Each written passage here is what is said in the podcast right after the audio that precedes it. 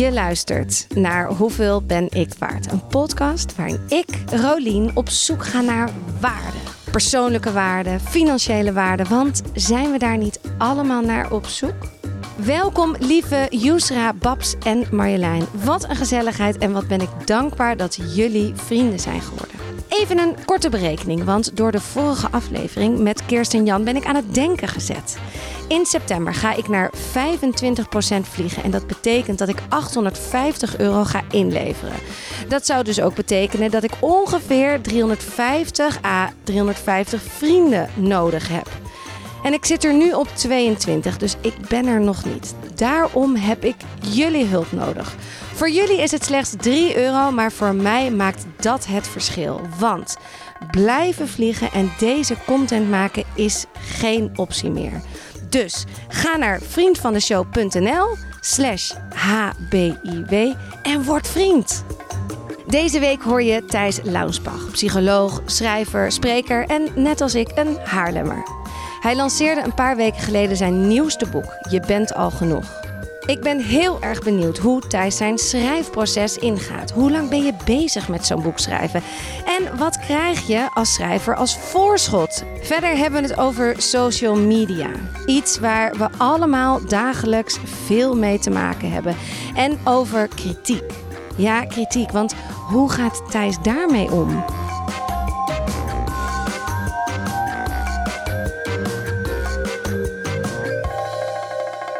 Jij komt uit Haarlem? Ben jij mug? Ja, eh, nou, ik ben, ik ben in Amsterdam eh, geboren, maar op mijn vierde naar, naar Haarlem vertrokken. Oh ja, dus je ja, dus bent ik ben wel er echt... opgegroeid. Ja, Kennemer gezeten. Stedelijk. Oh, het stedelijk. Gymnasium. Slimme jongen. Ja. Ja, nou ja, ik heb het niet gedaan. Oh Jij ja. hebt Kennemer gezeten dan? Nee, nee, nee. Ik kom net uit- niet uit Haarlem. Maar ik woon er nu sinds vier jaar. Maar mijn vader woont al zijn hele leven in Haarlem. En mijn ouders zijn gescheiden. Dus ik kwam elk in, in het weekend altijd. Ik ging wel altijd naar de Flapkan en de oude patronaat. Dus ik... Maar We staan er... allebei nog steeds. Ja, we staan nog steeds. Kom er allebei niet veel. maar ik vind, ik woon er nu dus sinds vier jaar. Ik ben in Amsterdam opgegroeid, vrij school gedaan. Hmm. Geert Grote. Eh, dus, eh, maar ik vind het een hele leuke stad. Maar ik zag jou op je vouwfiets. Die neem je dus altijd mee als je iets in Amsterdam hebt? Ja. Eh, vaak ga ik dan met het OV. Ehm, en dan is zo'n vouwfiets heel handig. Want dan hoef je niet je fiets ergens hier te zoeken of weer daar neer te zetten. Behalve dat er een ding afgebroken is die ik nu moet gaan lassen ergens. Maar goed, dat, eh, Dat terzijde. Dat verder, is hij wel. Ja, precies. Dat Ja. houdt je ook bezig, zeker. Nou, als eerste, we gaan gewoon beginnen. ja hoor. Ik ga je een vraag stellen die ik altijd stel. Ja. En die gaat als volgt. Wanneer wist je voor het eerst wat je waard bent? Ja, ik wist natuurlijk dat die vraag ging komen. Dus ik heb er al even over na kunnen denken. Ik vind het een wat lastige vraag, omdat die wat je waard bent, dat klinkt voor mij alsof het ook een soort eh, wat je waard bent op een markt. Hè? Wat je, en dat betekent dat je van waarde bent voor andere mensen, denk ik. Eh, er zijn wel eh, een paar momenten geweest waarvan ik het gevoel had dat ik van waarde was. En een van die momenten was toen ik eh 14, 15 was. ehm, als scholier. Eh, lang haar, eh, metal t-shirts. ehm, en een beetje, toen kwam, ik een beetje in een soort alternatieve eh, vriendengroep terecht. En daar kwam ik erachter dat ik best wel goed kon luisteren. Ehm, en dat mensen mij graag in vertrouwen namen om iets te vertellen. En dat ik dan ook wel eens daar iets op zinnigs op terug kon zeggen of wat advies kon geven. Dus dat werd wel mijn, mijn waarde binnen die vriendengroep, denk ik. En dat is er ook wel, heeft er uiteindelijk wel toe geleid dat ik het vak ben gaan doen wat ik, wat ik uiteindelijk heb gekozen, namelijk eh, psycholoog. Dus dat, eh, dat was er zeker wel eentje. Ik denk later is er ook nog eentje gekomen dat ik eh, op de universiteit werkte. Dus ik ben zeg maar eerst als psycholoog gaan werken. Ehm, was heel interessant om te doen en heel tof om te doen. Maar er zaten ook een aantal kanten aan die ik niet helemaal, die niet helemaal bij mij pasten. Zo, ik was ook heel jong op dat moment. Ik was drie, 23 ongeveer. En ik had dan mannen van 55 voor me die al een aantal keer waren stuk gelopen in hun leven. Dus ik voelde me dat ook qua levenservaring niet helemaal matchen. En er waren ehm, nou ja, binnen de, de Nederlandse gezondheidszorg, dus dan moet je heel veel overleggen en heel veel formulieren invullen. En heel veel verantwoording van je uren doen naar verzekeraars toe en zo. Dat vond ik allemaal niet per se tof aan het werk. Uh, dus toen ben ik wat anders gaan doen. Ik ben onder andere gaan lesgeven op de universiteit. En daar merkte ik ook wel dat mijn, mijn lessen van waarde konden zijn op een hele directe manier voor mijn studenten. Niet voor alle studenten uh, natuurlijk. Dus er zullen misschien ook een aantal luisteren nu die denken, nou, voor mij niet zozeer. Maar er waren studenten bij voor wie je echt ook iets kon betekenen door iets te zeggen of iets uit te leggen of een mentorgesprekje te voeren. Um, en ik heb ook de, de afgelopen tijd heb ik het gevoel dat ik van waarde ben omdat ik uh, inmiddels redelijk veel berichtjes krijg over van mensen die zeggen: Nou, ik heb een van je boeken gelezen. Um, ik heb er, het heeft me heel erg geholpen. Of ik heb er heel veel aan gehad. Dus dan heb ik wel het gevoel dat ik van waarde ben. Ja, wat doet dat met je als je zo'n berichtje krijgt? Nou, ik vind het heel mooi. Het is, het is ook een beetje gek, omdat het via, weet je, vaak via een, een LinkedIn of een Instagram binnenkomt. Um, en dan is het toch ook een beetje onpersoonlijk. Dus het gebeurt ook wel eens dat mensen me op bijvoorbeeld, ik was, we hadden het net van tevoren over, ik was van het weekend op Down the Rabbit Hole. En dan kwam, gebeurde het ook twee keer dat iemand naar me toe kwam. Dat is toch een hele andere ervaring dan dat je een berichtje krijgt. Maar het is, het is heel erg waardevol. Um, en het is, het is heel fijn om, om te weten dat je werk wordt erkend, maar ook wordt gewaardeerd. Dus dat, uh, ja, dan, dan als ik, als ik zo'n berichtje krijg of iemand zegt zoiets, dan, dan heb ik wel het gevoel van hé, hey, het, is, het is de moeite waard wat ik doe. Ja. Dus het is het werken ook waard geweest, ja. Ja, ja want het werken waard geweest. Wat doe jij? Je bent psycholoog, dat hoorden we net even in een stuk. Ja, wat doe je eigenlijk? Waarom nou, ja, ik heb, ik heb een beetje ik heb een heel gek beroep. Ik ben dus opgeleid als klinisch psycholoog, dus als therapeut. Dus ik, uh, ik ben opgeleid om gesprekken te voeren met mensen, zoals je waarschijnlijk denkt bij het idee van een psycholoog. Maar ik ben dus uiteindelijk meer wat andere, uh, een andere tak opgegaan. En wat ik doe is eigenlijk ik ben een beetje een, ja, een publiek psycholoog eigenlijk. Dus ik schrijf veel over psychologie. Ik heb een column uh, over psychologie en werk. Ik doe veel optredens en lezingen. Um, ik maak podcasts. Um, allemaal dingen die op de een of andere manier wel met mijn vakgebied te maken hebben, maar die dus voor, voor het grote publiek zijn bedoeld. Ja. Um, dus dat, uh, dat is eigenlijk voornamelijk wat ik doe. En dan de, de core daarvan, de core business, is boeken schrijven. Ja, en dan ben je dus ZZP'er. Ja. Ondernemer. Ja. Ja, dat, Is, dat is dat. Is dat, gaat dat samen? Psycholoog en ondernemer? Ja, maar je hebt mensen die echt die rol ook hebben. Hè? Dus die, die dat ondernemersbloed in zich hebben. Ja. Die uh, overal een kans zien en ook leuk vinden om, om, om die, zo'n kans te gaan uitbouwen. Um, ik ben eigenlijk voor mijn gevoel meer freelancer. Ja. Um, dus ik, ik, ik, ben niet zo van dat ondernemersbloed. Maar het is nou eenmaal het vehikel dat ik heb gekozen om mijn vak te kunnen uitoefenen. Ja. En je hebt meerdere geldstromen. Ja. Dus, want je geeft lezingen. Mm -hmm. hoe, hoe bepaal je prijzen? Ja, dat is, dat is in mijn vakgebied eh, wel gek. Um, omdat je, het, het is sowieso, dat, nou ja, um, met boeken verdien je over het algemeen niet superveel in Nederland. Maar het geeft je wel toegang tot de lezingenmarkt. Um, daar, daar is het wat waard op het moment dat je een verhaal kunt vertellen. En je hebt ook een boek, dus dan ben je een soort autoriteit op dat gebied. Um, daar is wel geld te verdienen, zeg maar. Um, en die prijzen, ja, ik weet eigenlijk nooit wat zo'n prijs bepaalt. Uh, dus ik heb op een gegeven moment mijn fee op een prijs gezet waarvan ik dacht, nou, dat is best, best een hoop geld. En ik weet dat ik daar nog aan een beetje aan de onderrand zit of aan uh, niet, niet een van de betere betaalde sprekers ben. Dus ik ben wel af en toe wat aan het experimenteren, zeker nu met die, met die inflatie op 10% en zo, om dat langzamerhand iets op te schroeven. Om dan te kijken wat er gebeurt. Maar het is ook een beetje wat, wat, je, kunt, wat je kunt maken of zo. Ja. Hè? Ja, het is een beetje. Maar het is een heel gek vakgebied. Het is een gek vakgebied. Hè? Maar ik vind het ook dan. Zit je dan thuis en denk je dan. Wat zijn de bedragen nu? Wel, als ik jou als spreker inhuur voor een event. Ja, volgens mij hebben ze me nu op een tarief van 22,500 euro. Ja, voor een uurtje. Ja. Ja, en er zit voorbereiding aan hè? en er zit nazorg. Ik bedoel, het is niet dat je dan een uurtje opkomt en dat is het. Nee, dat er zit natuurlijk veel meer ja. ben je ermee bezig. Het is, het is een heel uh, gek beroep, omdat eigenlijk dus het werk dat je erin hebt gestoken zit daar ver voor. Het ligt in, in de studie die je hebt gedaan, het, het, het verhaal dat je hebt opgebouwd, het profiel dat je hebt opgebouwd. En wat ook wel gek is, is het is sowieso een gekke wereld, omdat je heel veel te maken hebt met event managers of mensen die dan zo'n event organiseren. En dat zijn vaak events waar dan heel veel publiek op afkomt of ehm, veel uh, leiders of vooraanstaande mensen in een bedrijf naartoe komen. Uh, en die mensen willen heel graag weten dat ze geen bijl kunnen vallen aan jou als spreker. Um, dus, dus die betalen graag dan ietsje meer. omdat ze dan in ieder geval weten, nou dan weten we in ieder geval dat het goed zit. Dat ik geen flater sla, zeg maar. Ja. Uh, dus wat dat betreft is dat een hele gekke markt. Waar het juist dus ook wel nou, positief kan zijn op het moment dat je wat meer vraagt. Omdat het ook aangeeft van hé, hey, dit, dit is iemand die dit gewoon al veel vaker doet. En zit jij dan bij een agentschap aangesloten die ook dat voor jou gaat regelen? Ja. Ja, ja. ja dus ik, heb, ik werk met tussenpersonen, met verschillende sprekersbureaus die mij, uh, die mij dan inhuren. Ja, wanneer is dit gaan rollen allemaal, dat sprekersklussen? Een, een, belangrijk moment is geweest. Kijk, ik was dat eigenlijk altijd al in de tijd dat ik eh, op de universiteit werkte. Begon ik al een beetje met lezingen geven. En ik heb tijdens mijn studie en na mijn studie ook wel veel workshops en trainingen gegeven. En dat werk eigenlijk meer gedaan.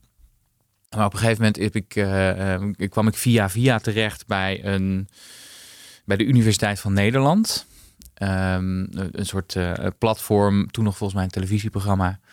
Uh, waarbij ze wetenschappers vragen om iets uit te leggen over hun onderwerp. En daar heb ik toen een filmpje gemaakt over millennials en burn-out. En waarom dat zoveel voorkomt bij de jongere groep, zeg maar. En dat ging toen viraal, dat filmpje. Dat werd heel veel gedeeld en heel veel um, becommentarieerd. En uh, werden artikelen over geschreven en zo. En dat was wel het moment dat ik, dat ik ook... Nou, ik, had, ik had dus een filmpje waarin ik een verhaal vertelde op een, een beetje een indringende manier, of in ieder geval een populaire manier. Uh, waarmee ik ook heel makkelijk naar sprekersbureaus toe kon. Um, en waarmee ik ook naar een uitgever toe kon uh, om te zeggen: hey, ik wil hier graag een boek over schrijven. Dit is ongeveer wat ik kan. Dus dat is wel een heel belangrijk moment geweest.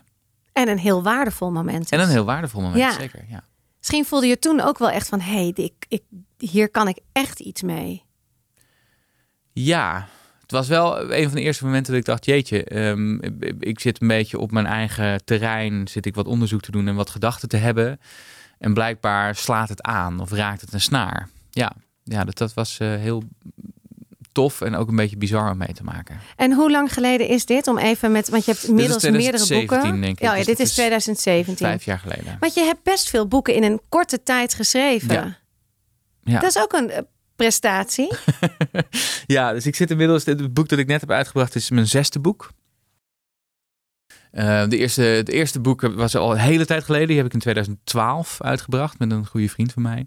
Toen was ik echt nog piepjong, was ik dus uh, eh, 24. Toen heb ik een paar jaar wat, wat minder geschreven en ben ik wat andere dingen gaan doen. Uh, toen heb ik nog een boek, dat heette het Millennial Manifest, heb ik geschreven in 2017 met, met twee anderen. Een soort collectie essays. En daarna kwam dat filmpje uit en toen ben ik bij mijn huidige uitgever terechtgekomen. En toen ben ik op mezelf ook gaan schrijven. Dus toen ben ik, heb ik eerst uh, Fucking Druk geschreven. Toen uh, werken met millennials, uh, werk kan ook uit. En nu, je bent al genoeg. Ja. Vier boeken die, die wel steeds in de rijtje staan. Ik ging even gisteren naar je ranking kijken. Nou, ja. je zit toch wel echt altijd bijna op de 4,5, 5. Weet je, echt hoog in rankings overal. Oh, als in de reviews. ja, reviews, ranking. Ja, precies. Ik was echt wel, het is wel indrukwekkend. Nou, thanks. Ja, vond het wel door. Hoe, hoe gaat zo'n proces van een boek schrijven? Uh, begin bij de pitch. Dus je hebt een idee. Ja, Daar heb je ik, vier ik, kan, keer... ik kan een antwoord geven op, op hoe dat voor mij gaat. Maar niet ja. hoe dat in het algemeen nee, gaat natuurlijk. Voor jou. Het zal voor andere verschillen. Mijn moeder is bijvoorbeeld, uh, die, die, werkt, die is ook auteur, maar die werkt in de, in de fictie, zeg maar. Um, en daar werkt het weer heel anders dan bij non-fictie. Maar het over, over het algemeen schrijf je bij een non-fictieboek zoals ik dat doe, hè, dus over, over psychologie of over zo'n onderwerp, schrijf je eerst een, uh, een proposal. Waarin je uitlegt wat je precies wilt doen, wat de aanleiding toe, ertoe, ertoe is, wie jij bent om daar iets over te zeggen. Um, wat het boek toevoegt op wat er allemaal al is, wat de doelgroep is. Um, tegenwoordig willen ze graag ook een beetje weten wat je platform is, zodat ze enigszins erop kunnen gokken dat ze gaan verkopen. Dat ze gaan verkopen, hè, dat ze hun investeringen ja. eruit halen. Want een, een, een, uitgeverij is natuurlijk degene die een, een, qua geld en een initiële investering doet. Krijgen ze ook weer, als het goed is, veel voor terug uiteindelijk. Maar uh, dat is een investering. Die, die risicoafweging moeten ze maken.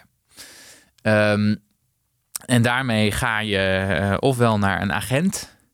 Eh, er zijn mensen die zich opwerpen als literair agent of eh, als, als agentschap voor non-fictie-auteurs. Ofwel je gaat op jezelf naar uitgevers en die probeer je, daar probeer je binnen te komen. Je wordt soms ook wel eens gevraagd om een boek te schrijven. Eh, niet dat dat mij ook Maar dan hoef, je dat, is gebeurd, dan hoef je dat dus helemaal niet meer te doen. Nee, nee, nee, precies. Dus dat, eh, er zijn mensen die, die een, een, een platform hebben die, eh, die dus benaderd worden door een uitgever. Dan zou je niet ook eens een boek schrijven over. heb je niet eens gedacht aan een boek schrijven over wat je aan het doen bent? Dus dat gebeurt ook wel eens, maar ik heb eigenlijk altijd gepitcht. En jij, en, en je, ik hoor je net inderdaad zeggen, ik, door, ik ging door je heen, maar ja, bij jou is dat nog niet gebeurd. Is, vind je dat erg? Nee, nee, want ik heb, ik, dat vind ik nou een, wel een leuk onderdeel van het ondernemerschap. Dus zelf dat soort, dat soort ideeën zien en denken, oh, wat, wat zou, waar zou ik me in willen verdiepen en hoe kan ik dat ook verkopen aan een uitgever? Dat, dat vind ik juist wel een leuk eh, onderdeel ervan. Ja, dan blijft het ook ontzettend eigen. Ja, ja, precies. En ik heb nu ook wel een, hele fijne samenwerking met mijn huidige uitgever. Die, eh, nou ja, waar ik gewoon zeg van nou, ik Waar wil ongeveer dit gaan doen.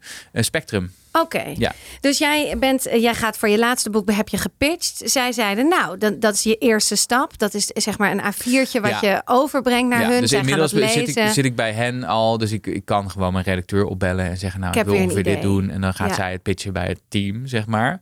Al is het dan alsnog heel fijn om een pitchdocument te maken, zodat je voor jezelf al een beetje hebt ingestoken wat je wil doen. Ja. Ehm, maar sorry, ik, ik, ik Nee, ik vind het heel interessant. Eh, En dan vervolgens moet je ook voor hun nog een soort presentatie houden, neem ik aan. Nee hoor. Oh, dat niet meer.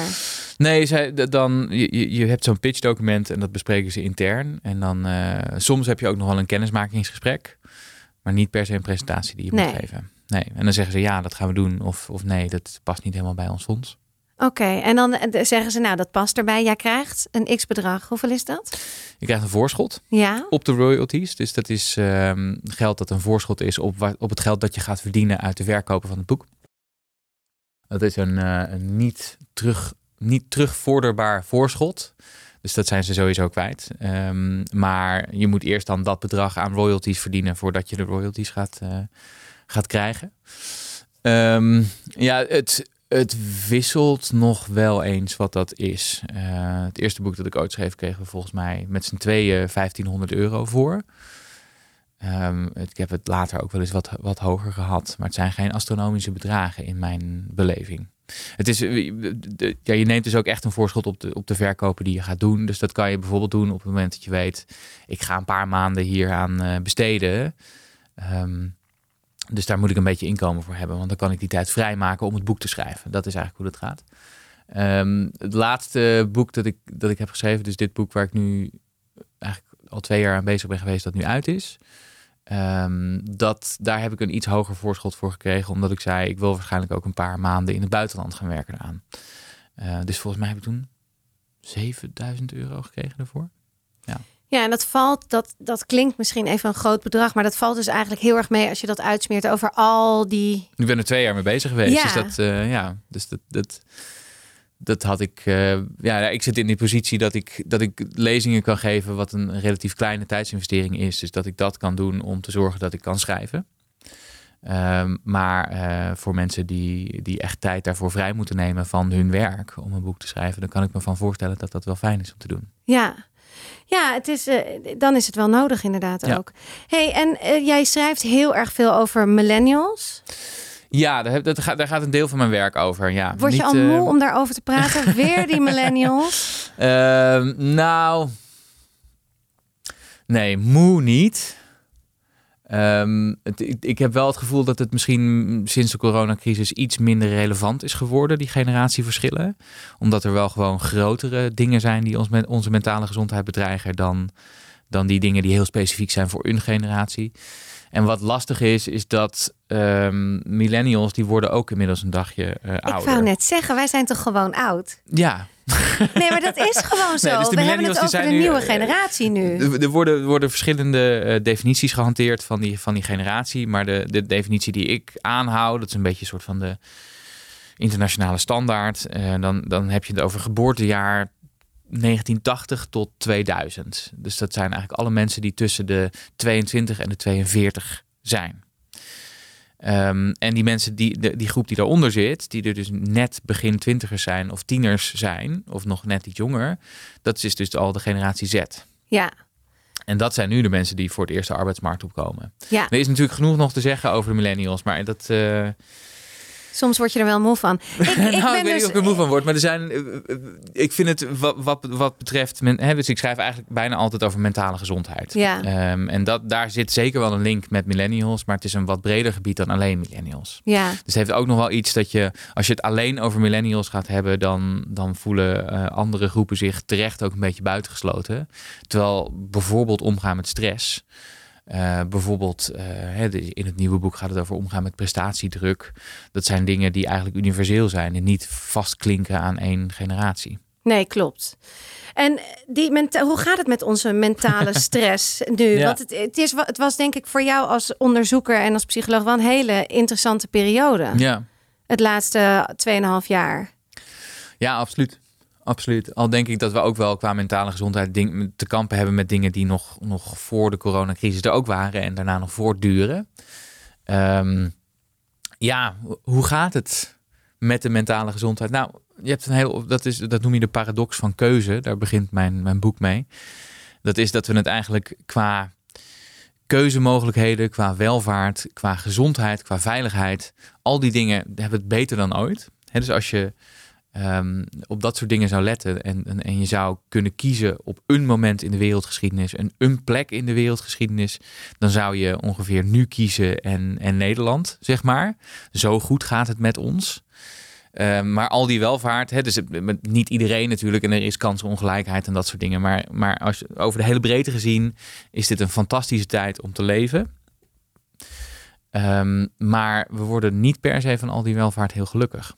Sterker nog, we lijken wel steeds ietsje ongelukkiger te worden. Want het aantal burn-outs, uh, het aantal angststoornissen, depressies, de hoge onzekerheid, die is, die is tegenwoordig hoger dan dat die ooit is geweest ongeveer. En dat is een hele gekke, uh, gekke tegenstelling.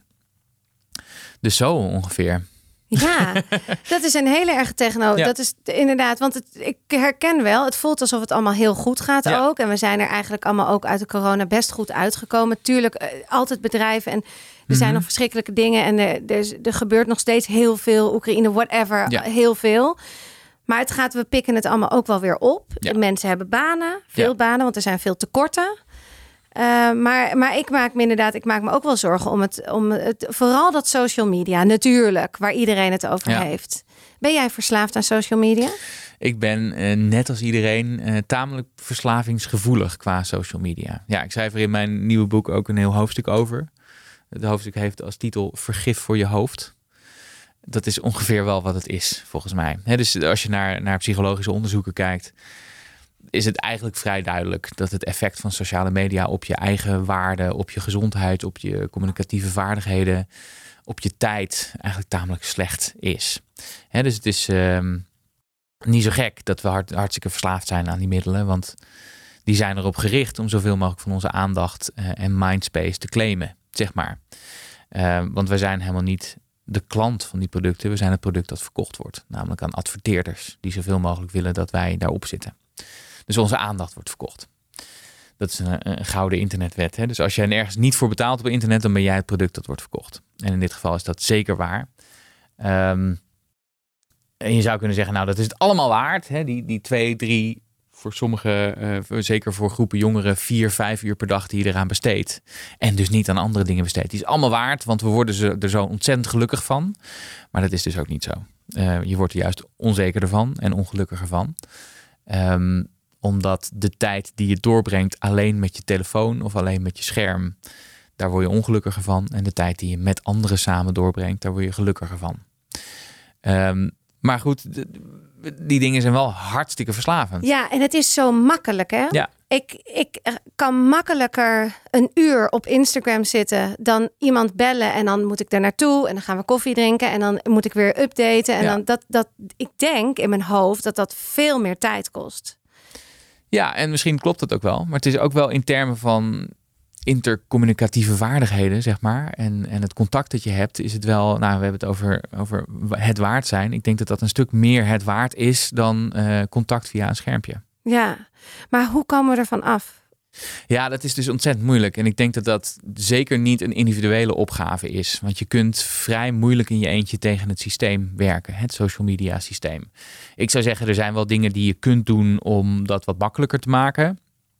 Ik denk dat, zeker weet je, in de, in de beroepen waar wij zitten, heb je het toch ook wel een beetje nodig, vrees ik. Maar dat wil niet zeggen dat, je, dat het ook je leven moet overnemen. Ehm, dus dan wordt de truc om het wel de goede kanten ervan te gebruiken zonder dat het je leven te veel overneemt. Nou, dat kun je bijvoorbeeld doen door uh, niet social media op je telefoon te gebruiken. Want daar zitten een aantal hele verneukeratieve, uh, extra verslavende functies op, op je telefoon. Um, dus als je het gebruikt dat vooral op je laptop of, of op je pc. Um, door vooral een beetje kieskeurig te zijn waar je dan op zit. Misschien hoef je niet op en TikTok en Instagram en Facebook en Twitter te zitten, zeg maar. Maar kies je er één of twee uit, zeg maar. Maar ehm, dat is ook zo eng, hè? om even daarop in te gaan. Want mhm. kijk, dan, dan gaat het al zo bij mij in mijn hoofd en bij mensen die ik hoor. En inderdaad, wat je zegt, ik heb het nodig voor mijn beroep. Of voor dit, voor wat ik wil laten zien en de content die ik maak. Maar dan zeggen mensen, nee, je moet nu op Snapchat. Snapchat wordt het helemaal. Je moet er nu op, zo snel mogelijk. Of TikTok bedoel ik. Ik heb alweer verkeerde. Ja, Snapchat is alweer een soort van Ja, is alweer passé. Oké, ik zeg het verkeerd. Oké, dus TikTok. Je moet op TikTok. Je moet op TikTok. content maken voor TikTok. Nou, ik, mijn hersens denken dan, holy moly. TikTok, TikTok, wat is dat? Hoe moet ik dat doen? Filmpjes maken, content, content. Oh, oh. Ik raak dan helemaal van slag. Ja. En ook een beetje verdrietig. Want ik denk, ik snap het gewoon helemaal niet, dat TikTok. Ik ben blij dat ik net Instagram, maar ik voel me al wel weer bejaard, want ik zit nog op Instagram. Dus ik ben niet hip, maar ik wil wel hip zijn. Ja, waarom wil je hip zijn dan? Ja, omdat ik, omdat ik luisteraars wil en omdat ik groot wil worden. Omdat ik en, en ik wil dat mensen over waarde gaan nadenken. Omdat je denkt ik... dat, het, dat het TikTok-publiek en het podcast-publiek dat dat heel erg overlapt? Nee, nee, nee. Maar het wordt wel gezegd. Je moet overal, je moet zichtbaar zijn. Ja. Dat is belangrijk. Zichtbaar. Nou, ik denk dat het handig is om in ieder geval een, een manier te hebben dat mensen je kunnen benaderen. Of, of interesse, mensen die interesse hebben in je werk dat kunnen gaan zien. Maar dat betekent natuurlijk niet dat je haantje de voorste moet zijn op al die platforms. Lijkt mij. Nee, maar dat is wel wat mij onbewust wordt verteld. Ja. Dus het wordt door mensen om me heen verteld. Het wordt me door TikTok verteld. Tuurlijk. Uh, het wordt me verteld door. Uh, ik ben geen BN'er, dus het is voor mij veel moeilijker om de podcast. Gaat nu hartstikke goed, prijs gewoon we allemaal te gek. Maar het was hartstikke hard werken. Ja. Om, de, om op dat punt te komen. Nou, daar heb ik wel social media echt bij nodig gehad. Ja. Dus ik voel me ook verplicht. Ja. Dat snap ik. Maar je, ja. ergens merk je ook hoe gestrest ik al word van het praten over dat hele, mijn hele energie. je stemgebruik gaat omhoog. Ja, en, uh, ja nee, dat, dat klopt.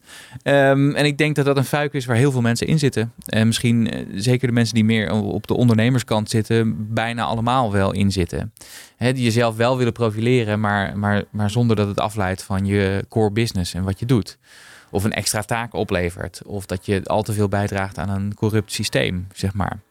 En dat is een ongelooflijk moeilijke puzzel waar we niet als individu uit zullen komen. Behalve dat je dus wel in zekere zin, hè, dus je kunt, je kunt voor jezelf nadenken over wat is nou een strategie die, die wel de, wat van de voordelen brengt zonder al te veel van de nadelen met zich mee te nemen.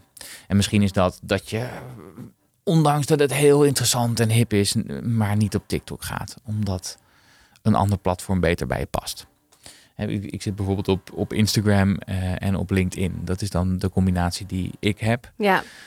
Um, dat werkt voor mij redelijk goed. Overigens ben ik inmiddels doe ik niet al mijn social media zelf meer. Dus ik heb ook iemand die dat, uh, die dat voor mij doet. Wa, wat dan? Op LinkedIn of Instagram? Voornamelijk op Instagram momenteel. Dus als, dat je mijn, niet als zelf. je mijn Instagram feed ziet, dan zie je heel duidelijk wanneer er iemand is begonnen die dat ook professioneel doet. Want het ziet er een stuk professioneler uit. Nee, ik dacht, ja, ik, ik kan dit. En ik ben er niet zo goed in. Um, en het moet, het moet ook iets professioneler voor mijn gevoel. En er zijn gewoon mensen die dat leuk vinden en tof vinden en daarmee bezig willen zijn. En dan op deze manier hoef ik ook niet mijn persoonlijke identiteit aan mijn Instagram te ontlenen. Dat is ook wel heel fijn. Je persoonlijke identiteit aan je Instagram. Want dat is iets wat je niet wil. Nee, nee, precies. Dus ik zou zeggen. Dus het, het product heel, het zijn Ja, het zijn hele persoonlijke media. Maar uh, het, het, is ook heel makkelijk om daar je, je, je zelfbeeld aan op te hangen. Hè? Um, en om uh, heel erg bezig te raken met hoeveel likes heb ik, hoeveel volgers heb ik. Uh, vinden mensen me nog wel een beetje leuk? Reageren mensen op wat ik doe? Um, dus dat is, dat is het soort fuik waar ik niet in wil zitten. Ja, En Maar ergens denk ik ook, ja. ja. sorry, jij mag ook nog ergens denk ik ook, ja, lekker makkelijk lullen heb jij. Want jij hebt zo. al echt iets bereikt. Ja. Jij hebt al een bepaald podium. Jij hebt al zes boeken geschreven waarvan vier echt super succesvol zijn. Die andere twee, sorry, kende ik even niet. Maar Dus- zijn er ook niet alle vier even succesvol. Maar, nee, eh, en, nou ja, en dus ik denk dan, ja, jij hebt al een platform. Maar als je nu jong bent en je, je moet gaan ondernemen. En iedereen is tegenwoordig ZZP, freelancer, however you want to call it. Ja, dan kan je gewoon, dan ja, vind ik wel Nee, dat, en het, dat, dat begrijp ik ook heel goed. En ik zeg niet dat iedereen het zo moet doen. Dit is toevallig ho- hoe ik ervoor kies. Omdat ik ook juist in mijn werk ook heel erg bezig ben met de grote nadelen van dit soort eh, media. Ehm, maar ik denk ook niet dat dit alleen maar een individuele opdracht moet zijn. Ik denk dat hier ook iets systemisch aan moet gebeuren. Ik, denk dat, ik vind het echt van de gekken dat, er, dat dit businessmodel van een Meta of een Facebook of een Instagram, dat dat bestaat. En eigenlijk zou je moeten zeggen als overheid van we willen niet hebben dat een, dat een mediabedrijf aandacht en, en mentale gezondheid verkoopt van de gebruikers van het, eh, van het platform. Ja. dus het- ook het woord gebruikers is bijvoorbeeld het gebruik je voor drugsgebruikers en voor social media gebruikers. Dat is ongeveer waar je dat woord voor gebruikt. Ik wou net dus het zeggen, al aan. Is het net zo verslaafd als roken? Ja, is het, zitten we absoluut. echt in dat... Ja, ja, absoluut. En hoe langer je, je erop zit, hoe meer het je brein ook vormt. Eh, want je traint gewoon je brein met, met wat je er elke dag in stopt. Dus als jij eh 14 bent en je, je, van je 14e tot je 20ste gebruik je elke dag eh, vier, jaar, vier, vier uur ehm, Instagram of TikTok. Nou, dat doet iets met je brein. Dat doet iets met je aandachtspannen bijvoorbeeld. Ehm, dat is, het lijkt mij heel lastig om daarna dan nog een boek te kunnen lezen, bijvoorbeeld. Maar ze lezen niet tegenwoordig. Nee, op een andere manier. Is veel, wel veel luisteren naar podcasts Ja. en naar audioboeken bijvoorbeeld. Maar nou, dat wordt hoop gewoon, ik. eh, ja. Ik hoop het, want mijn zoon is 14 en die krijg ik niet aan Harry Potter. Aan niks krijg ik hem. Ik heb Hm. echt elk boek geprobeerd, alles. En ik, Mind Gym, dat, dat leuke Ja. boek wat hij ook voor Van kinderen had geschreven van Wouter. Ik krijg hem er niet aan. Ik krijg hem er niet aan. En ik ben al mijn hele leven lid van de Biep en ik ben ook een zware dyslect. Dus ik vind het ook niet Mhm. altijd even leuk. Ik vind het soms heel moeilijk. Ik vind ook. Ik hoop dat schrijvers tegenwoordig ook meer op het lettertype gaan letten. Want Mhm. dat kan voor dyslecten echt een gro- groot Ja. verschil zijn hoe je leest. Maar, eh, dus, eh, maar ik krijg hem er gewoon niet aan. En ik Nee. weet ook echt niet meer. Ik heb hem overgehaald met als jij elke avond leest, een maand lang, dan gaan we daarna iets doen wat jij wil. Dus noods eh, gaan we een reis maken. Ik heb echt alles ingezet. Ja. Hoe moeten we dat doen? Ik, ik zou willen dat ik daar een antwoord hè? op had. Ja. Ik zou willen dat ik daar een antwoord op had. Het zou kunnen dat, die, dat dat vanzelf op, op een gegeven moment een keertje komt. Maar er zijn natuurlijk heel veel mensen die niet lezen. Nee. Ehm, wat dan wel weer een, een, een mooie toevoeging is, is dat je tegenwoordig heel veel luisterboeken hebt. Ehm, en, en ik, maak daar zelf ook heel veel gebruik van. Dus ik lees ook wel op papier, maar ik luister ook heel veel boeken. Die worden voorgelezen, want ik zit veel in de auto. Ehm, en ik doe ook wel lange afstanden rennen en zo. En dan vind ik het heerlijk om een boek te luisteren. Of als ik even wat, wat klusjes doe in het huis. Dat vind ik, dat, en al die tijd wordt dan leestijd. Dat Ja. is wel echt gek. En die kun je ook nog een beetje sneller zetten vaak. Dus als, je, als het allemaal te langzaam gaat, dan kan het ook nog een beetje het het tempo omhoog. Dus dat is wel iets wat...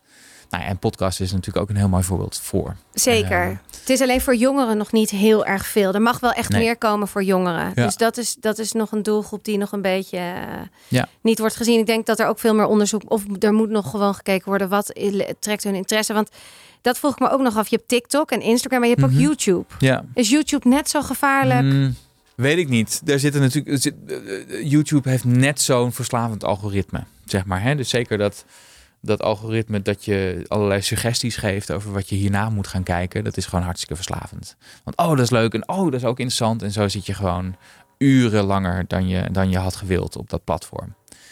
Eh, er zit iets minder van het sociale component voor mijn gevoel bij. Ehm, eh, dus dat je echt een profiel maakt voor jezelf en dat mensen daaraan. Hè, dus die sociale netwerkkant, die zit er wat minder aan, aan het YouTube. eh, gebruik, eh, maar het heeft weer andere verslavende kanten. En het heeft daar bijvoorbeeld, we weten dat dat een algoritme is die mensen ook steeds een stapje extremer maken in hun denkbeelden. Dus als je begint bij een, bij een kritisch, eh, een kritisch coronafilmpje, dan kan het best dat je drie uur later met al die suggesties uitkomt bij Een, een Hele hele, conspiracy theory eh, website. Zoals dat mijn zoon, die is dol op vuurwerk. En die Ja. zat gewoon op een bommetje maken van eh, twee eh, dingen. En uiteindelijk zat hij in een terroristische netwerk. precies. Nou, dat is het precies. Ja. In Syrië, dat, je, dat ik zei, waar zit je naar te kijken? Ja, en wist hij me te vertellen waar je allemaal illegaal in Rusland illegaal vuurwerk kon halen. Dus Ja. zo bizar. Ja, dat vond ik ja, ook dat echt is, dat, shocking. dat, daar zitten echt gevaren aan. ja. Ja. dat ze zo En mensen, mensen kunnen. radicaliseren gewoon op die manier. Dat is wel Ja. echt. eh, ik denk dat dat ook wel in de coronacrisis is gebeurd. Beide kanten op, overigens. Ja, Eh, even terug naar financiën. Jij doet meerdere dingen, Ja. dus je hebt meerdere geldstromen. Eh, Ja. Maak jij elk jaar een doel voor jezelf van zoveel wil ik omzetten, zoveel wil ik verdienen? Nee, nee. Mijn, ehm, ik, ik heb niet per se financiële doelstellingen. Wel dat ik een aantal, dat ik, dat ik aan het begin van het jaar denk, ik heb een aantal spaardoelen. Het zou fijn zijn als ik die haal. Eh, maar ik zet niet een financiële strategie uit momenteel. Nee. Want ik vind wel dat jij een heel goed marketingproduct van jezelf bent. Oh ja? Snap je dan wat ik bedoel? Nee? Nou, je schrijft boeken. Ja. Dat is je talent, denk ik echt. Dat je, dat je heel goed kan overbrengen hoe Ja. het werkt. Dat, is, dat, is, dat vind ik echt grote waarde. Ja. Wat ik ook zag in inderdaad die reviews. En ook mensen die zeiden, daarom wil ik hem, moet ik hem ook kopen. Die zeiden, je moet je zo'n je, je pubers hem laten lezen. Dacht ik, oh, dat is echt een goeie. Misschien Ja. moet ik hem voorlezen nog. Eh, maar daar, dat, is je, dat is je core, zeg maar, business. Ja, dat en, En en, dan- spreken. Precies. En wat er allemaal uitkomt, Ja. dat is heel goed marketingtechnisch neergezet. Ja. Heb je daarover nagedacht? Nee, eigenlijk niet. Maar het is wel een aantal eh, vrij gelukkige skills die bij elkaar komen, denk ik. Dus het is inderdaad dat, dat kunnen schrijven. Nou, dat is iets wat in mijn familie sowieso veel voorkomt. Mijn moeder is schrijfster. Eh, mijn zusje is journalist. Ehm, mijn oom is schrijver. Eh, dus dat is, dat is iets wat in de familie heel veel voorkomt. Dus de voorliefde voor woorden. En dat op een manier brengen waarop mensen er ook iets mee kunnen. Dus dat is wel een, een hele fijne vaardigheid. En de andere die, die ik echt mezelf heb moeten aanleren is spreken in het openbaar. Dus ik heb wel echt, dus Malcolm Gladwell heeft het over je 10.000 uur ergens insteken. En dan kun je iets op, op meesterniveau. Ik wil niet zeggen dat ik daar ben op meesterniveau, maar ik heb wel al een flink deel van die 10.000 uur voor groepen gestaan, zeg maar. Eerst op de universiteit met studenten die echt niet onder stoelen of banken schuiven als ze het niet interessant vinden. Dus dat is echt een soort man- directe manier van, eh, van lesgeven. En later heel veel op podia. Dus ook dat iets kunnen uitleggen op een manier waarop mensen er iets aan hebben, dat is een hele fijne vaardigheid die ook daarbij komt. Eh, dus ik denk dat het die twee vaardigheden zijn eh, die bij elkaar kwamen. Plus een interessegebied dat ook heel erg populair werd. Dus bijvoorbeeld dat, dat stress- en burn-out onderwerp. Zeker zo vlak voor de coronacrisis was dat echt een hot topic. Ehm, dus ik denk dat ik daar ook wel een beetje een neusje voor heb. Voor die onderwerpen uitzoeken die ik interessant vind. Dus ik denk dat die paar dingen bij elkaar komen op een, op een mooie manier. Ja. Hoe ga jij om met dat stukje kritiek? Want dat, dat lijkt me dus als schrijver. En misschien ervaar je dat heel goed. En ik, ik, heb, ik krijg ook eigenlijk nooit kritiek. Ik Nee. heb één keer misschien of een paar keer. Dat, dat is prima. Maar heb jij dat vaak? Dat mensen kritiek op je hebben? Of dat ze iets van je vinden? Ja, jawel. Ehm niet zozeer op mijn boeken. Want die zijn niet zo heel controversieel. En ik denk dat veel mensen die die boeken lezen... dat ook gewoon wel daar heel bewust voor kiezen. En dan weten waar ze aan beginnen. Maar ik heb ook een column. Ik schrijf een, een wekelijkse column in het Algemeen Ja. Dagblad. En dat is ook een manier waarop ik bij een heel groot publiek onder de aandacht kom. Eh, maar daar komen wel eens, wel eens stevige reacties op, eh, op terug. Ehm, dat mensen echt wel boos zijn om wat ik zeg. Of eh, me hypocriet vinden. Of eh, op de een of andere manier getriggerd zijn door wat ik eh, zeg. Dus dan, dan komen er wel eens vervelende reacties op, ehm, op de mail. Hè, dus zijn altijd maandagochtend. komt die column in de krant. Het gebeurt me wel eens dat ik, dat ik maandagochtend wakker word en mijn mail open. En dat er dan al reacties staan van... Ja, kan je niet beter wat anders gaan doen? Want dit kan je niet. eh." Dus dat. Het gebeurt niet super vaak hoor. Maar toevallig als ik, als ik een keer een onderwerp heb wat, wat, wat triggert... dan gebeurt dat wel eens. Het gebeurt me ook wel eens op, eh, op LinkedIn, omdat ik daar ik begin daar een steeds groter bereik te hebben. Ook voor de columns en de stukken die ik schrijf. Ehm, en ik had laatst eh, had ik een, een kritisch stuk over coaches had ik geschreven. En eh, nou ja, eh, op LinkedIn zitten zo ongeveer alle coaches van Nederland. En die hadden het stuk ook gevonden. En die waren allemaal best boos. het is niet, niet allemaal, maar er was een grote groep boos. Van die hele grote groep die Wat het vind had gezien. jij van coaches dan? Dat vind ik dan wel interessant. Nou, dat stuk was een, een reactie op, ehm, op, het, eh, op een item van de avondshow van Arjen Lubach. Ja, Over een item had hij gemaakt over er zijn veel te veel coaches. ja. En nou goed, daar had ik over geschreven. En, en mijn, mijn reactie was: ja, weet je, het is, het is vrij makkelijk om, om, eh, om, om grappige footage te vinden van coaches. Want er lopen een aantal enorme beunhazen rond in dat veld. Dus het is heel makkelijk om daar een grappig filmpje over te maken. Uh, maar wat in dat hele item onbesproken bleef, is dat er zo'n ontzettende behoefte is ook in coaches. Want er is niet alleen een enorm aanbod, en dat klopt. Um, en sommige hele goede opgeleide coaches en sommige uh, net ervaringsdeskundigen die denken dat ze iedereen kunnen helpen met hun specifieke methode. Uh, dus er zit heel veel verschil tussen. Maar kijk, die zouden er allemaal niet zijn als er niet ook een enorme vraag is naar coaches. En misschien moeten we daar ook eens naar kijken. En naar waarom er zoveel geluk wordt aangeboden. Hè? Waarom er zo ontzettend veel gelukscoaches zijn die jou gaan vertellen hoe je nu wel gelukkig wordt. Zeg maar. Ja. Um, en misschien heeft dat ook wel te maken met uh, dat we in een wereld leven waarin we ge het gevoel hebben dat we recht hebben op al het geluk in de wereld. En dat er iets mis met ons is als we een keertje ongelukkig zijn. Um, dus daar, daar ging dat artikel meer over. Maar er waren er ook heel veel mensen die vonden dat ik een hele beroepsgroep te kakken zette. Of uh, dat ik niet wist waar ik het over had. Of dat ik uit mijn ivoren toren moest komen. Of uh, oh meneer de psycholoog zal het allemaal wel weten. En zo dat soort, dat soort reacties wel. En wat doet dat dan met je? Nou, ik, ik vond het... Het was ook heel interessant, want die, die post ging echt heel erg hard. Er waren op een gegeven moment 2 miljoen mensen die hem hadden gezien. En iets van 10.000 reacties of zo erop.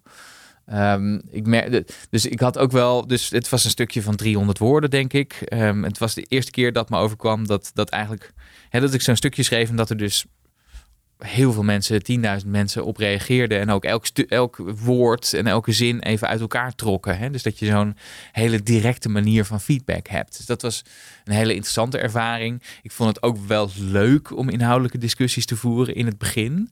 Maar het was echt wel een taak van een halve week om alles bij te houden. En ik merkte wel dat als zo'n reactie dan echt onder de gordel was. Mensen die zeiden, ah, je weet niet waar je het over hebt. Maar ook, um, je zegt dit wel, maar je meent het eigenlijk niet. Dat doe je alleen uit effectbejag en zo. Dat soort uh, opmerkingen, dat ik daar toch wel een beetje door uit mijn hum raakte. En uit mijn slof schoot.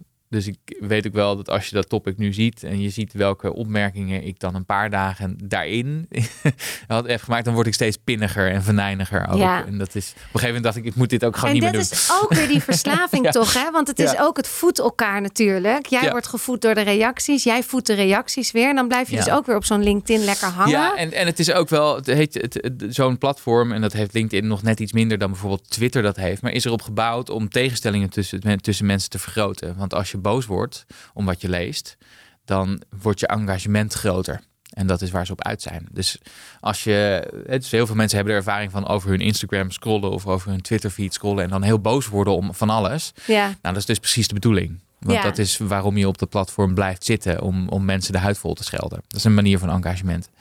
Eh, dus dat, dat, dat gebeurt mij ook nog wel eens, wilde ik maar zeggen. ja, tuurlijk. Laatste vraag. Heb jij zelf een psycholoog? Momenteel niet.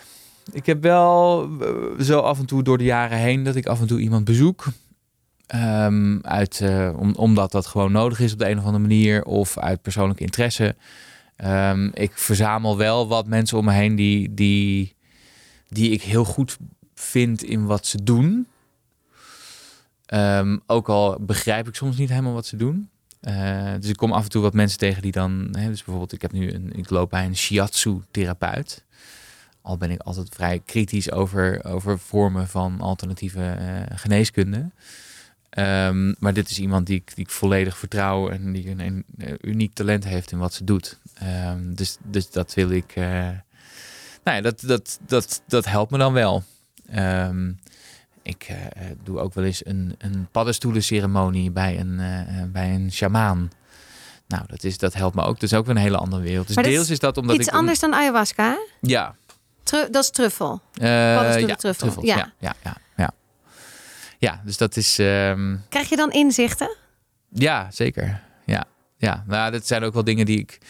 Ik, ik vind dat eh, die, die psychedelica cultuur vind ik heel erg interessant. Ja, Ehm, niet per se omdat het leuk is. Want ik vind het vaak heel hard werken. Het is ook vaak echt een beetje zelftherapie als ik dat doe. Dat heb ik soms alleen gedaan en soms met, met mijn partner gedaan. Ehm, eh, en, en, maar dus ook laatst een keertje eh, onder, onder begeleiding van iemand die, die, die dat dus begeleidt met een soort Ja. ceremonie. ja. Het is laatst stond er ergens in de kant, ik weet echt niet meer waar of zo, maar als je moet investeren in de toekomst, investeer dan in eh, paddenstoelen, Ja. in truffels. Ja. Want dat wordt echt, dat wordt het nieuwe antidepressiva en de Prozac en eh, Ja, al wordt het nu wel heel erg. Er worden heel veel dingen eh, ja. toegeschreven. Maar Nou, ik maar denk zeker het- dat dat zin, he- zin heeft. En Ja. we weten ook steeds meer uit onderzoek dat dat ook wel dat soort kanten heeft. Omdat wat je doet is je, je maakt het mogelijk dat mensen nieuwe gedachten hebben. Dus Ja. mensen zitten vaak vast in een soort gedachtepatroon waarin ze in dezelfde loop rondgaan. Eh, en wat je met zo'n ceremonie doet of met zo'n, met zo'n ervaring doet, is dat je mensen de gelegenheid geeft om nieuwe paden. Eh, ja, nieuwe Ja. ook in de hersens ja, die dan eh, echt aangetoond zijn, die anders zijn. Dus dat, inderdaad. dat klopt. En er zijn, er zijn ook een aantal ehm, eh, bedrijven waar je in kunt investeren. Ja. Inderdaad, dat klopt. Ja. Maar of het nou een panacee wordt in de toekomst, weet ik niet. Maar het is wel, het, het maar heeft ik vind potentie. Het, ik vind het wel een hele mooie gedachte. Ik vind het heel jammer dat het nu nog allemaal heel erg in dat verdomhoekje zit. Van dan zit je aan de drugs en dan ben je allemaal. Terwijl ik, ik ken heel veel mensen die niet aan de drugs zitten, maar wel mee bezig zijn met microdosering. Ja. Of daar eh, een balans in vinden. Of kijken of dat echt voor ze hel werkt. Maar ja, als je dat nu aan iemand zegt, dan is het, oh, ben je aan de drugs? Ja, terwijl het echt, we hebben, we gooien die hele categorie, het is onder één noemer drugs. Ja, En dat is eigenlijk heel zonde, want het zijn eigenlijk totaal verschillende middelen. En, Precies. en een, een pilletje nemen of een lijntje nemen op een festival is echt iets heel anders dan een Ja, eh, onder LSD of paddenstoelen Ja. met begeleiding. ja. Het is echt een totaal Ja. eh, ander ding. ja, interessant. Ik eh, ga hem wel echt alleen afsluiten, want ik ben alweer veel te lang met je aan het praten. Eh, maar ik vond het heel leuk, dankjewel. Weet je, ik- wat ik nog even wilde zeggen is dat eigenlijk mijn, de titel van mijn nieuwe boek is eigenlijk een antwoord op de vraag van de titel van jouw podcast. Kwam ik achter. Dus ehm, de- Hoeveel de- ben ik waard? hoeveel ben ik waard? Het antwoord is je bent al genoeg. Mooi. Mooi hè? Kwam je da- was dat net Ik zat erover na te denken toen ik hier naartoe fietste. Ik dacht dat is een mooie. eh, heel mooi. Je hebt helemaal gelijk. Ja. Ja. ik moet er even over nadenken, maar ik vind hem echt zo mooi klinken. Ja, ja het is echt. ehm, je moet ook nog heel blijven zitten. Oké. Want ik ga ook nog de vijf vragen met je doen. Je hoort het goed. Je bent al genoeg. Wat een mooi en duidelijk antwoord op de lastige vraag: hoeveel ben ik waard? Nou, heb jij iets geleerd van deze aflevering? Laat het mij weten. En vergeet natuurlijk niet om vriend te worden. Voor nu, tot de volgende.